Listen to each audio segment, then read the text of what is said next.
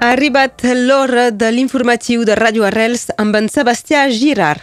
Bon dia, l'actualitat d'avui, dimarts 3 de gener. La justícia obre un nou informe sobre l'assassí de l'estació de Perpinyà. El pol judicial dedicat als casos no resolts vol estudiar el parcurs criminal de Jacques Ranson. Va ser condemnat a perpetuïtat el 2018 pel Tribunal de Perpinyà per crims i violacions múltiples.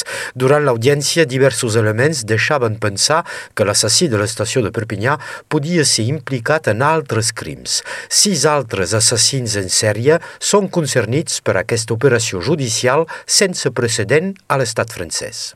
Els Reis han passat amb una mica d'avança a Sant Miquel, on l'Associació Cultural de Cuixà ja ha rebut les impressions digitals dels fragments exposats al Cloister Museum de Nova York. Són peces del segle XII que es van vendre als americans després de la Segona Guerra Mundial.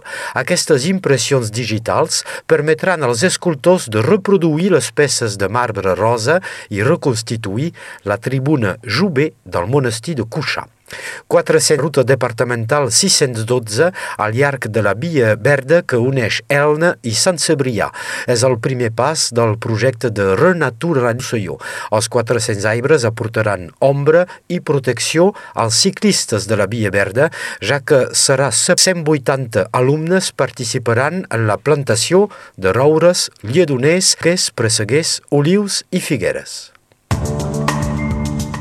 al Baix Empordà d'un dron policial d'última generació equipat amb càmera ter de fer fotos a 200 metres de distància i de detectar, per exemple, planta policia local de Sant Feliu de Guíxols, Marc Penya, afirma que aquest dron és seguretat i que l'objectiu futur és formar més agents perquè s'incorporin.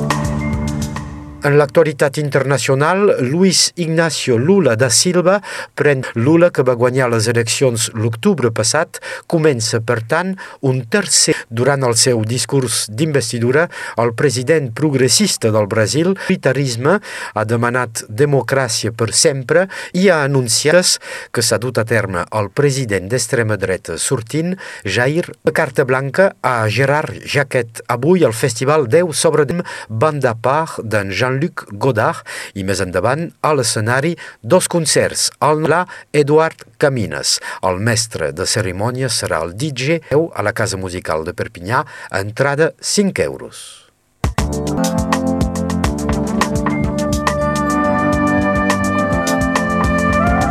del temps amb Meritxell Cristòfol.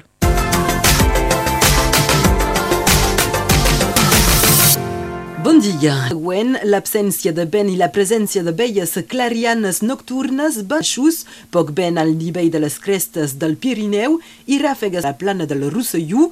Continuem amb temperatures dolces per aquest a 15 a Elna i Sant Llorenç de la Salanca, 14 a Argelers, 12 i 5 a Ió i a Formiguera. Aquesta tarda el sol s'apondrà a les 5 Santa Genoveva.